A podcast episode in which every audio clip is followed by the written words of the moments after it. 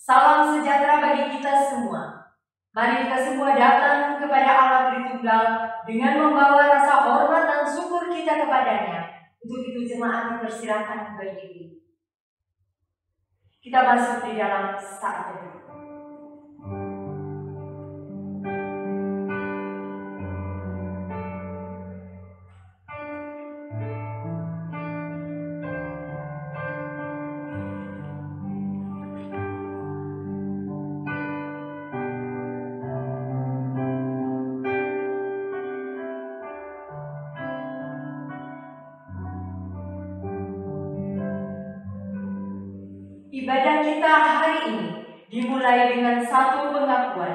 Bahwa pertolongan kita datangnya dari Allah yang menjadikan langit dan bumi beserta segala isinya dan yang tidak pernah meninggalkan hasil perbuatan tangannya.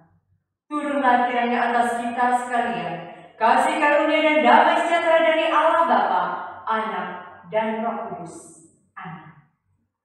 Dengan masih tetap berdiri, Jemaat sekalian kita bersama-sama memuji Allah Tritunggal dengan menyanyikan KPPK nomor 18 Mulia bagi namanya.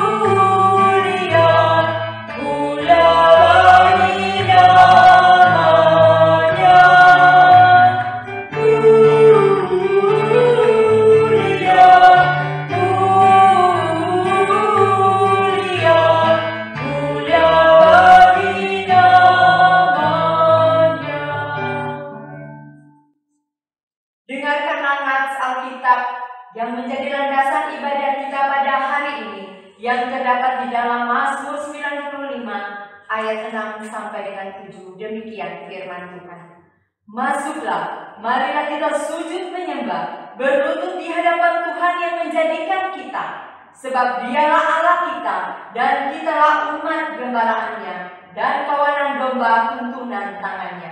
Pada hari ini, sekiranya kamu mendengar suaranya, jemaat dipersilakan untuk duduk kembali. Jemaat sekalian, mari kita kembali memuji Allah dengan menaikkan pujian KPPK nomor 223. Sebab hari ini, esok, dan seterusnya kita tidak tahu apa yang akan terjadi. Tetapi satu yang perlu kita ketahui, bahwa Allah yang menguasai hari esok. Aku tahu Tuhan menguasai hari esok. KPPK nomor 223.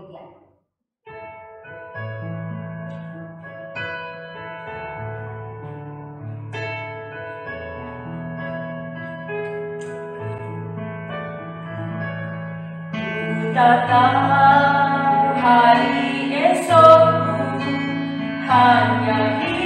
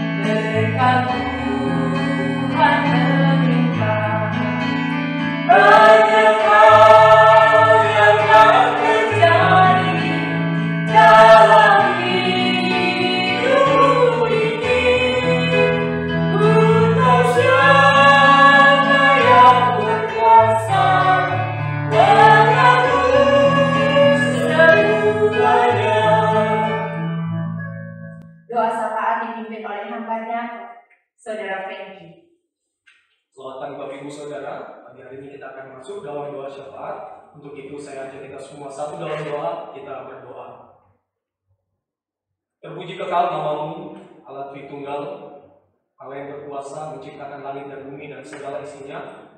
Engkau adalah Allah yang sungguh baik bagi kehidupan kami. Karena kasihmu, Engkau nyatakan kepada kami, sehingga Engkau mengangkat kami dari jurang kebinasaan, menebus kami dari dosa ya Tuhan. Pagi hari ini ya Tuhan, kami datang kepadamu merendahkan diri, datang beribadah kepadamu ya Tuhan.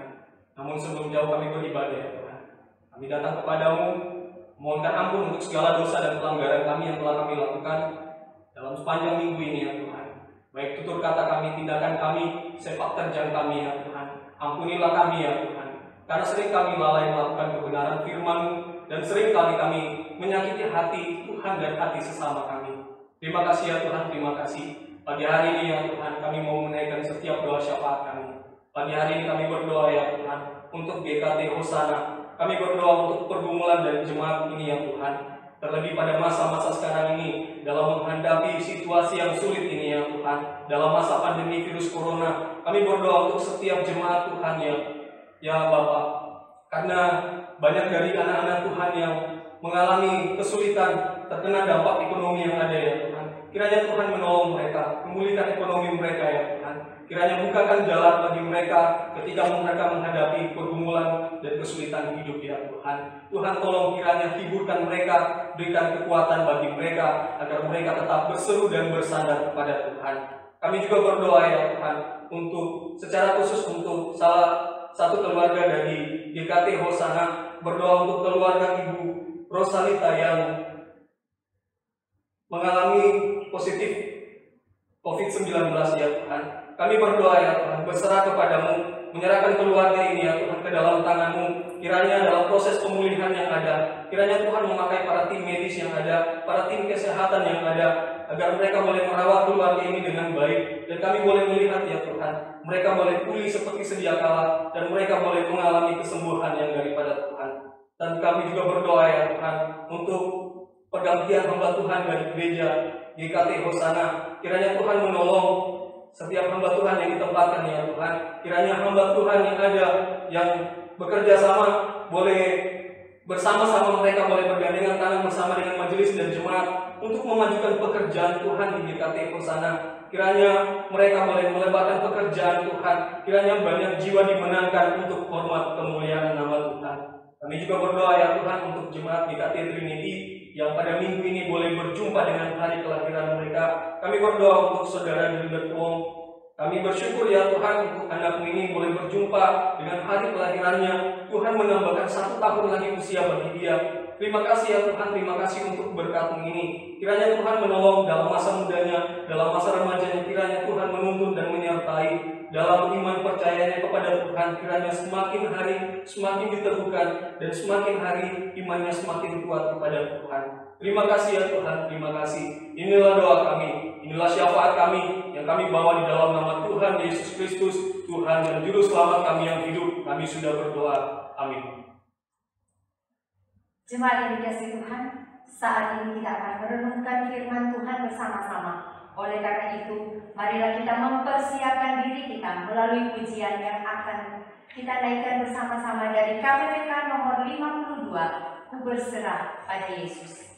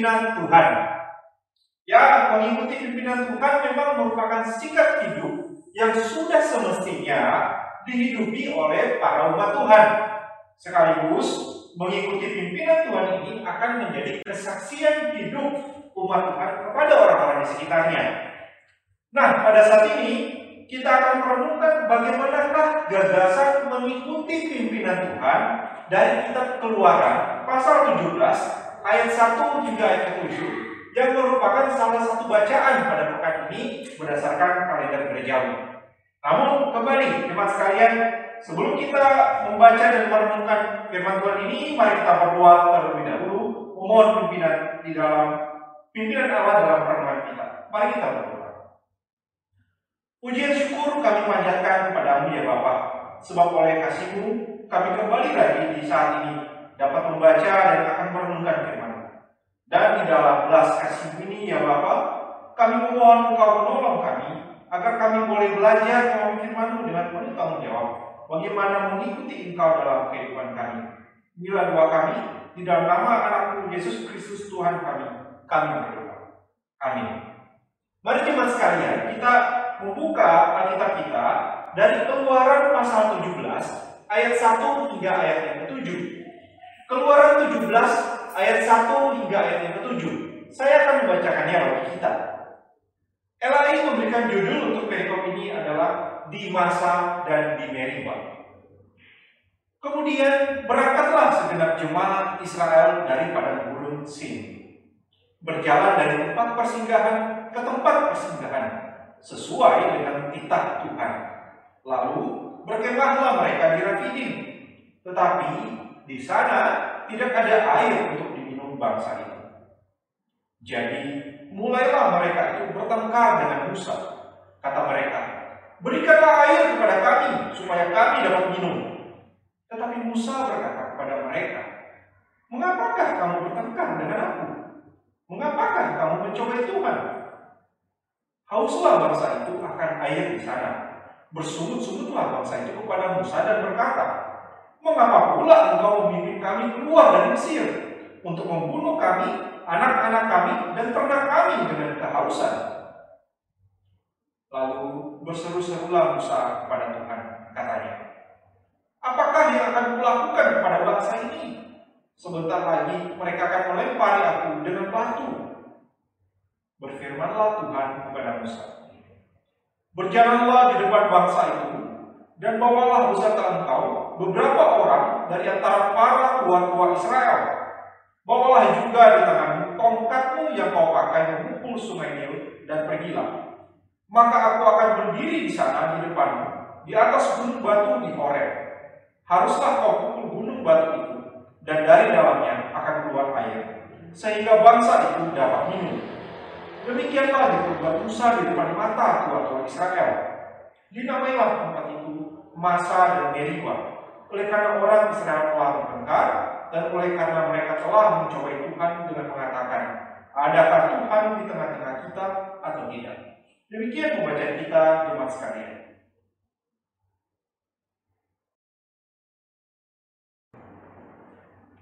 Jemaat jika Trinity sekalian membaca perikop Keluaran 17 ayat 1 hingga ayat 7 ketika saya membaca saya seperti di dalam pikiran saya seperti terjadi satu imajinasi melihat adegan demi adegan babak demi babak dalam seperti dalam sebuah film seri gitu ya. Ya mungkin kalau ibu bapak yang suka nonton film drama Korea atau apa seri demi seri di mana adegan demi adegan muncul untuk menyorot setiap karakter-karakter dialog-dialog yang terjadi. Nah bacaan kita keluaran 17 ayat 1 hingga 7 kurang lebih kita akan menemukan ada tiga adegan atau tiga babak di dalam. Dan saya kira kita bisa melihat bagaimana narator mengarahkan kita seakan-akan ada kamera yang roll dan berfokus kepada setiap karakter untuk melihat apa yang terjadi dalam percakapan-percakapan atau di setiap uh, apa babak demi babak di dalam perikop ini. Mari coba kita lihat babak yang pertama atau adegan yang pertama dari perikop ini, yaitu ketika kita melihat di ayat 1 hingga ayat 2. Bagaimana di babak pertama ini narator mengarahkan kita pada adegan perjalanan jemaah Israel yang berangkat dari padang gurun Sin. Jadi ada rombongan jemaah yang besar yang bergerak berjalan dari satu tempat yang namanya padang gurun Sin. Mereka berjalan kemudian dari tempat persinggahan ke tempat persinggahan lainnya. Saya tidak tahu bagaimana imajinasi kita, tapi saya kira kita dapat membayangkan satu rombongan bangsa yang besar berjalan di padang gurun. Berjalan sehingga di satu tempat demi satu tempat persinggahan. Dan memang tidak disebutkan di dalam keluaran 17, tetapi kalau kita melihat dari 4 bilangan 33 ayat 11 sampai ayat 14, maka kita bisa melihat bahwa dari padang gurun Sin, jemaah Israel ini kemudian berjalan lalu singgah di Dovka, lalu kemudian jalan lagi, kemudian singgah di satu tempat yang namanya Alus. Lalu dari Dovka dan Alus inilah kemudian mereka pun berjalan lagi. Entah ya, berapa lama mereka singgah beristirahat di Dovka dan di Alus. Narator kisah ini tidak memberitahukannya kepada kita, tidak menyebut durasi waktu itu. Namun begini, narator memberikan keterangan kepada kita bahwa perjalanan dari tempat persinggahan yang satu ke tempat persinggahan yang berikutnya ditempuh oleh jemaat Israel sesuai dengan titah Tuhan. Pada ayat 1 dikatakan itu. Jadi ketika mereka berangkat dari satu tempat, singgah, kemudian pergi lagi ke satu tempat, itu mereka lakukan sesuai dengan titah Tuhan. Maka jelaslah kepada kita bahwa perjalanan dan persinggahan dilakukan oleh jemaat Israel sesuai titah Tuhan. Mereka berjalan ke mana Tuhan bertitah dan mereka pun singgah di suatu tempat sesuai titah Tuhan. Mengejutkannya adalah begini ibu bapak saudara-saudara. Pada keterangan narator selanjutnya, narator menyebutkan, lalu berkemahlah mereka di Rafidim. Tetapi di sana tidak ada air untuk diminum bangsa itu. Tidak ada air untuk diminum. Sangat mengejutkan, bukan? Sebuah jemaah yang besar berjalan di padang gurun, di mana setiap kepala keluarga berjalan bersama anggota keluarganya sambil membawa harta benda mereka, barang-barang milik mereka, dan beserta ternak mereka. Mereka berjalan sesuai cita Tuhan, melangkah mengikuti pimpinan Tuhan, dan kini sesuai dengan cita Tuhan mereka tiba di satu tempat untuk berkemah, namun di tempat itu tidak ada air untuk diminum. Padahal jemaah ini pastinya kehausan. Saya nggak tahu ya, tapi maksud saya begini. Mereka berjalan di padang gurun dalam kondisi yang kering sambil membawa barang, menuntun ternak bersama anggota keluarga yang lain dan ini adalah satu bangsa berjalan. Dan ketika tiba di satu tempat untuk singgah, tidak ada air. Kan ini sangat menjadi persoalan yang sangat besar. Ada banyak orang yang sangat kehausan. Setelah berjalan di padang gurun, tentunya butuh air untuk melepaskan dahaga. Tapi ya itu, di tempat mereka singgah di Rafidim, tidak ada air untuk diminum. Jemaat sekalian, kita tahu padang gurun adalah tempat yang melambangkan keterbatasan dan kesukaran, baik untuk bertani maupun beraktivitas. Lalu sekarang di padang gurun yang adalah tempat yang melambangkan keterbatasan dan kesukaran itu, jemaah Israel ini singgah di tempat yang tidak ada air untuk diminum. Terbayang kan persoalan yang mereka ada? Ya pertanyaannya begini, bagaimana bisa mereka singgah di tempat seperti itu? Kok singgahnya di situ? Kalau sudah tidak ada air, kenapa singgah di situ? Kenapa bisa berhenti beristirahat di tempat itu? Jawabannya, ya karena jemaah Israel ini berjalan dan singgah beristirahat di sebuah tempat sesuai dengan titah Tuhan. Justru karena mengikuti titah Tuhanlah, maka jemaah ini singgah di Rafidim, tempat di mana tidak ada air untuk diminum, tempat yang di dalamnya terdapat keterbatasan dan persoalan.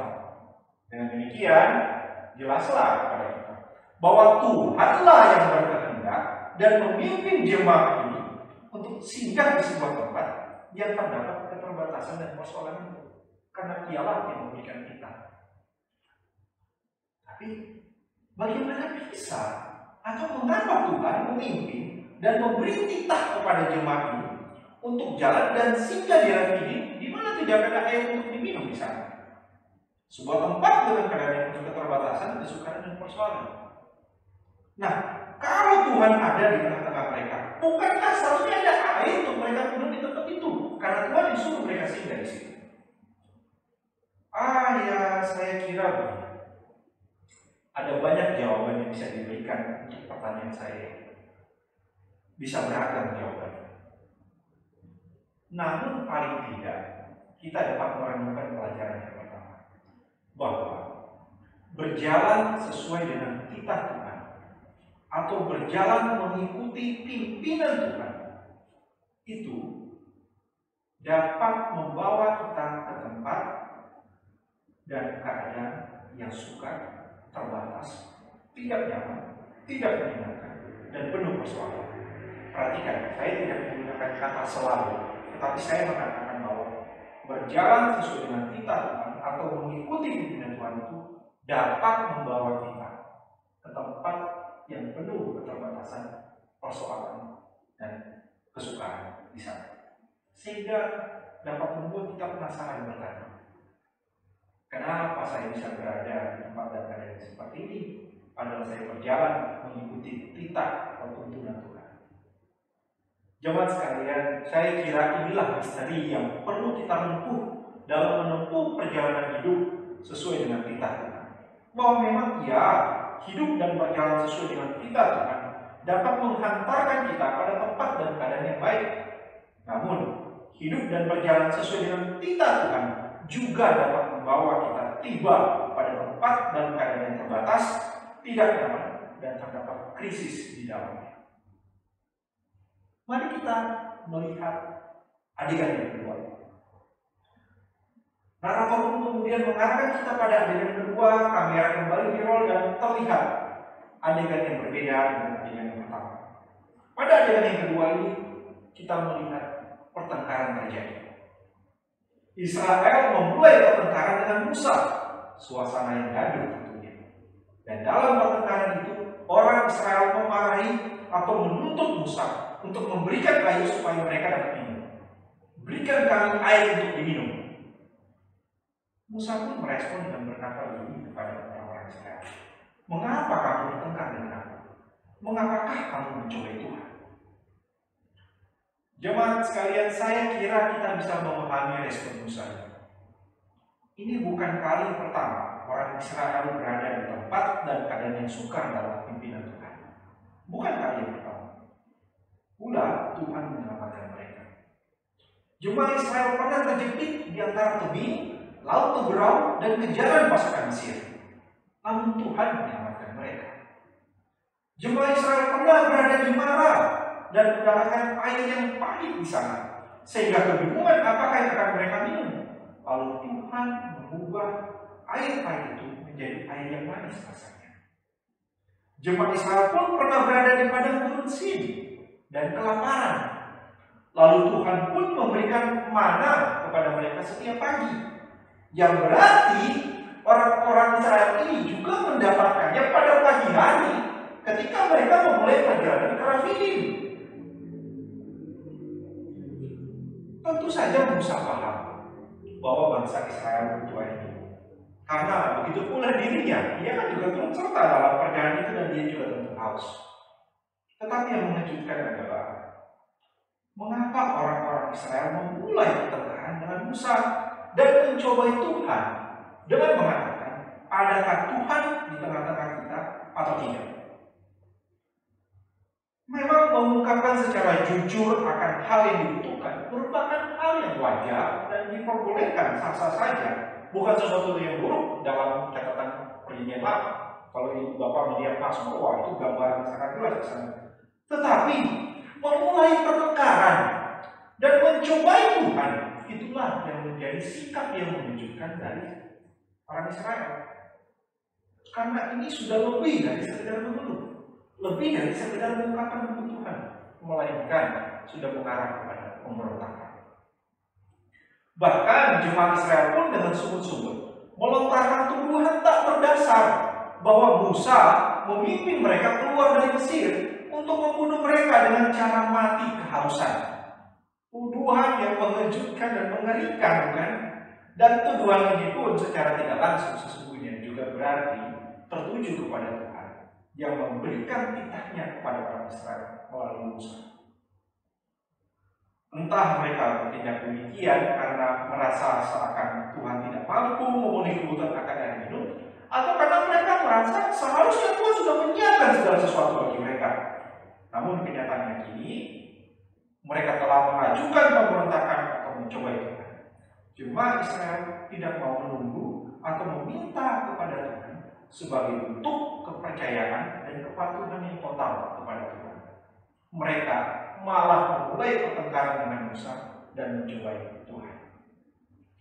Maka dari sini kita dapat merenungkan pelajaran yang kedua bahwa mereka yang tadinya menjalani hidup sesuai dengan titah atau mereka yang tadinya hidup mengikuti pimpinan Tuhan tidaklah serta merta atau otomatis akan senantiasa percaya dan patuh pada titah Tuhan di setiap keadaan.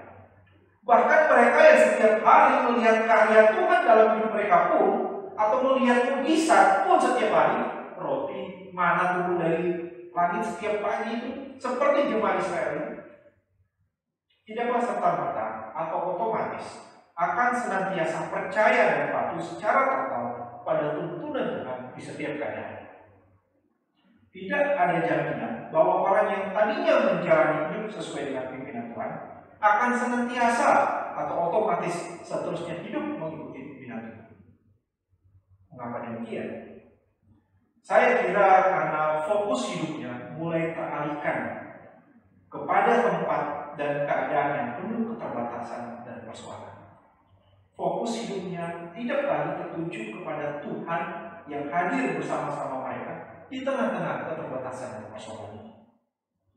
Apalagi persoalannya, fokus kita dalam hidup ini memang bisa dengan mudah beralih di setiap keadaan. Maka tidak ada jaminan bahwa diri kita akan senantiasa atau otomatis hidup patuh mengikuti pimpinannya. Lalu apa yang perlu kita lakukan Ketika fokus hidup kita mulai teralihkan dalam perjalanan mengikuti Tuhan, mari kita lihat adegan yang ketiga. Adegan yang ketiga, kamera kembali disorot, roll dan diarahkan kepada Musa. Narator membawa kita pada adegan di mana Musa berseru-seru kepada Tuhan. Seruan yang menunjukkan kebingungan akan apa yang perlu dia perbuat kepada orang Israel ini. Sekaligus di dalam seruan itu tersalib ketakutan akan kehilangan nyawa karena Musa menganggap bahwa orang-orang Israel yang marah ini akan melempari dirinya dengan batu sebentar lagi. Dari Musa ini saya pun memahami bahwa ternyata saya kira bukan hanya Israel saja yang teralihkan fokusnya kepada keadaan yang penuh keterbatasan ini. Tetapi Musa juga mengalami keteralihan fokus itu.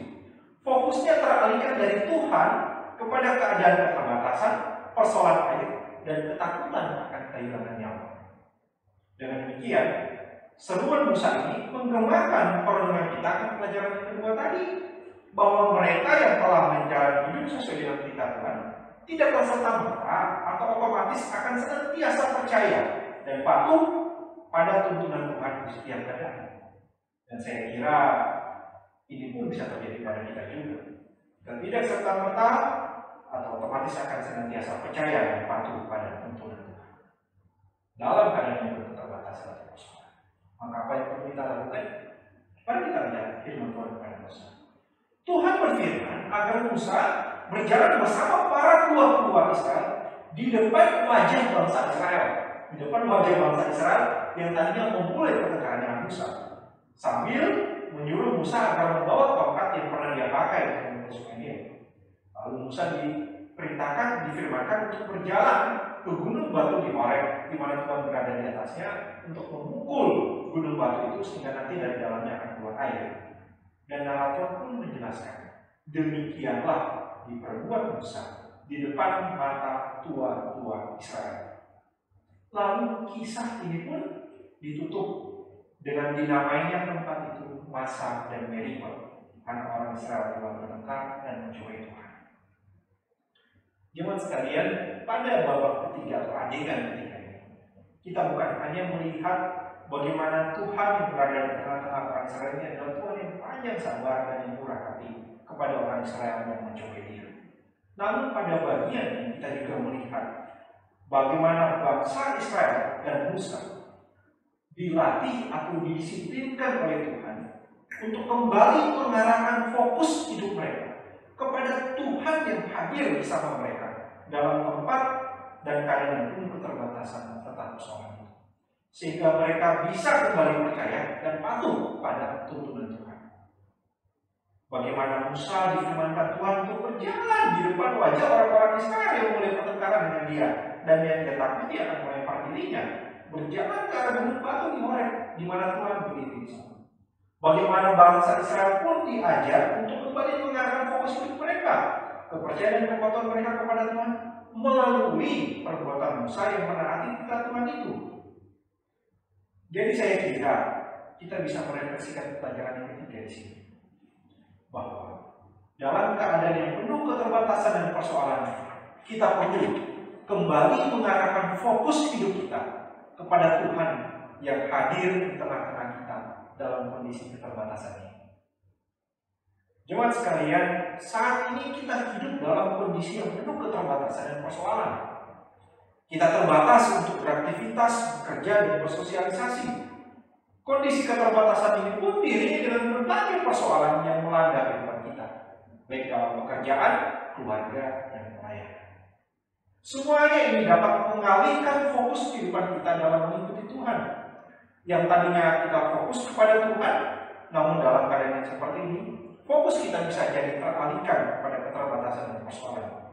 Sehingga tidak ada jaminan bahwa kita yang tadinya hidup percaya dan patuh kepada Tuhan akan senantiasa atau otomatis seterusnya hidup percaya dan patuh pada pimpinan.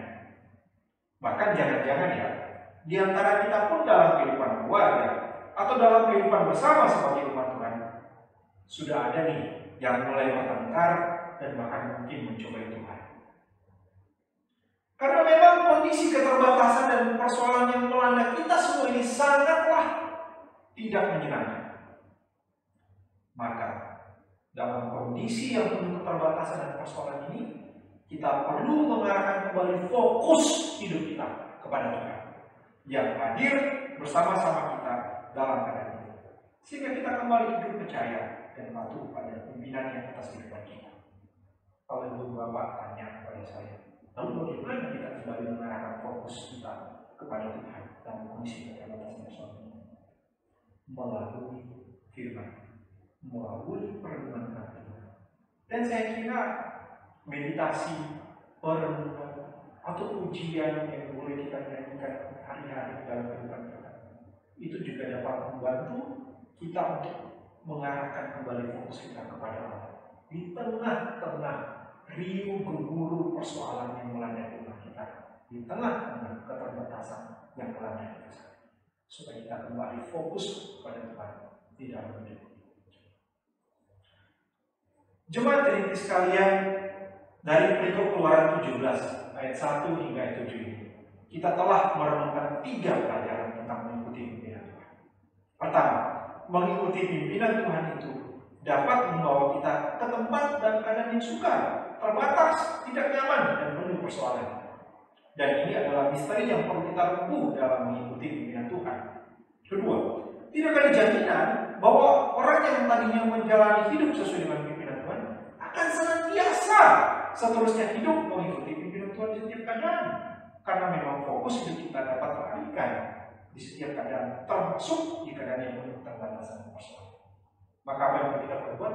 Kita masuk pada pelajaran ketiga tadi, bahwa dalam keadaan yang penuh keterbatasan dan persoalan, kita perlu kembali mengarahkan fokus kita kepada Tuhan yang hadir di tengah-tengah kita dalam kondisi keterbatasan ini, sehingga kita boleh kembali hidup mengikuti pimpinan Tuhan dengan baik di setiap aspek kehidupan kita baik dalam keluarga, pekerjaan, dan pelayanan.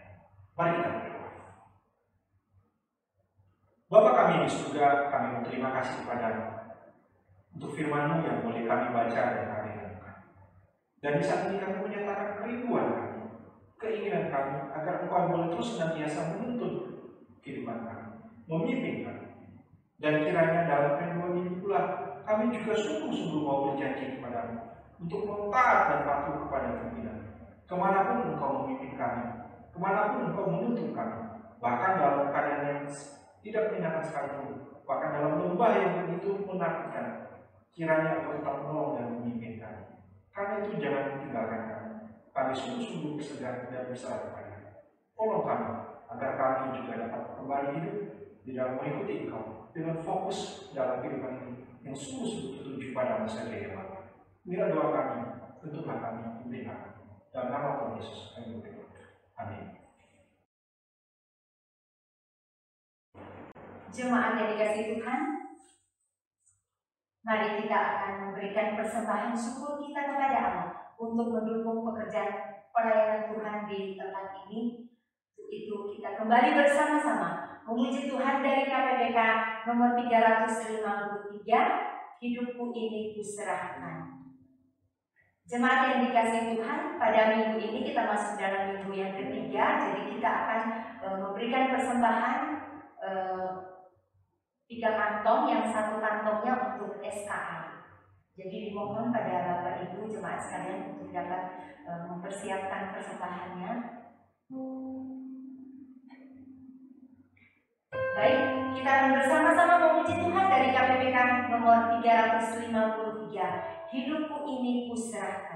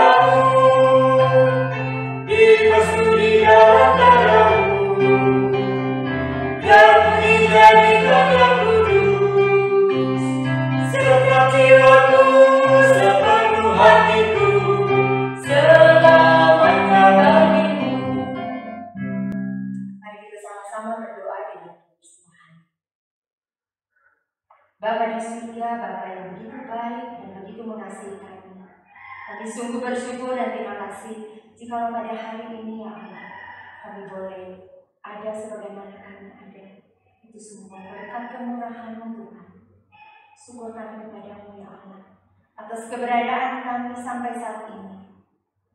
Terima kasih Tuhan. Pada saat ini kami masih diberi kesempatan terlebih untuk datang memuji memuliakan nama Tuhan, terlebih mendengarkan pengajaran melalui firman Tuhan yang telah kami dengarkan pada hari ini. Tuhan, mampukan kami untuk melakukannya Tuhan seluruh kehendakmu. Dan pada saat ini Tuhan, sungguh bersyukur kami masih diberi kesempatan untuk mendukung pekerjaan pelayanan Tuhan di tempat ini. Tuhan, terima kasih untuk pimpinan penyertaan Tuhan di dalam setiap usaha pekerjaan kami sampai pada saat ini. Di masa-masa sulit yang telah kami hadapi, masih memelihara hidup kami. Terima kasih Tuhan. Bila iman kami terpaut hanya padamu Tuhan, kami berpengharapan dan tertuju hanya kepada Allah. Mampukan kami Tuhan untuk melakukannya seturut ini padamu. Terima kasih Tuhan untuk berkatmu. Di dalam nama Tuhan Yesus kami berdoa dan mengucap syukur. Amin. Jemaat yang dikasih Tuhan, kita masuk di dalam warta jemaat. Yang pertama, PA jemaat akan dilaksanakan pada hari Kamis jam 8 malam via grup WA gereja. Yang kedua, Komisi Remaja dan Pemuda akan dibagikan renungan setiap hari Sabtu via grup WA Remaja dan Pemuda. Yang ketiga, jemaat dapat memberikan persembahan dengan cara mentransfernya ke rekening gereja atau menghubungi hamba Tuhan atau majelis yang terdekat dengan. Demikian warta jemaat kita pada hari ini. Kita masuk dalam doksologi dan doa berkat. Untuk itu jemaat disilakan untuk berdiri. Mari Bapak kita akan menyanyikan pujian doksologi dan akan menerima berkat Tuhan.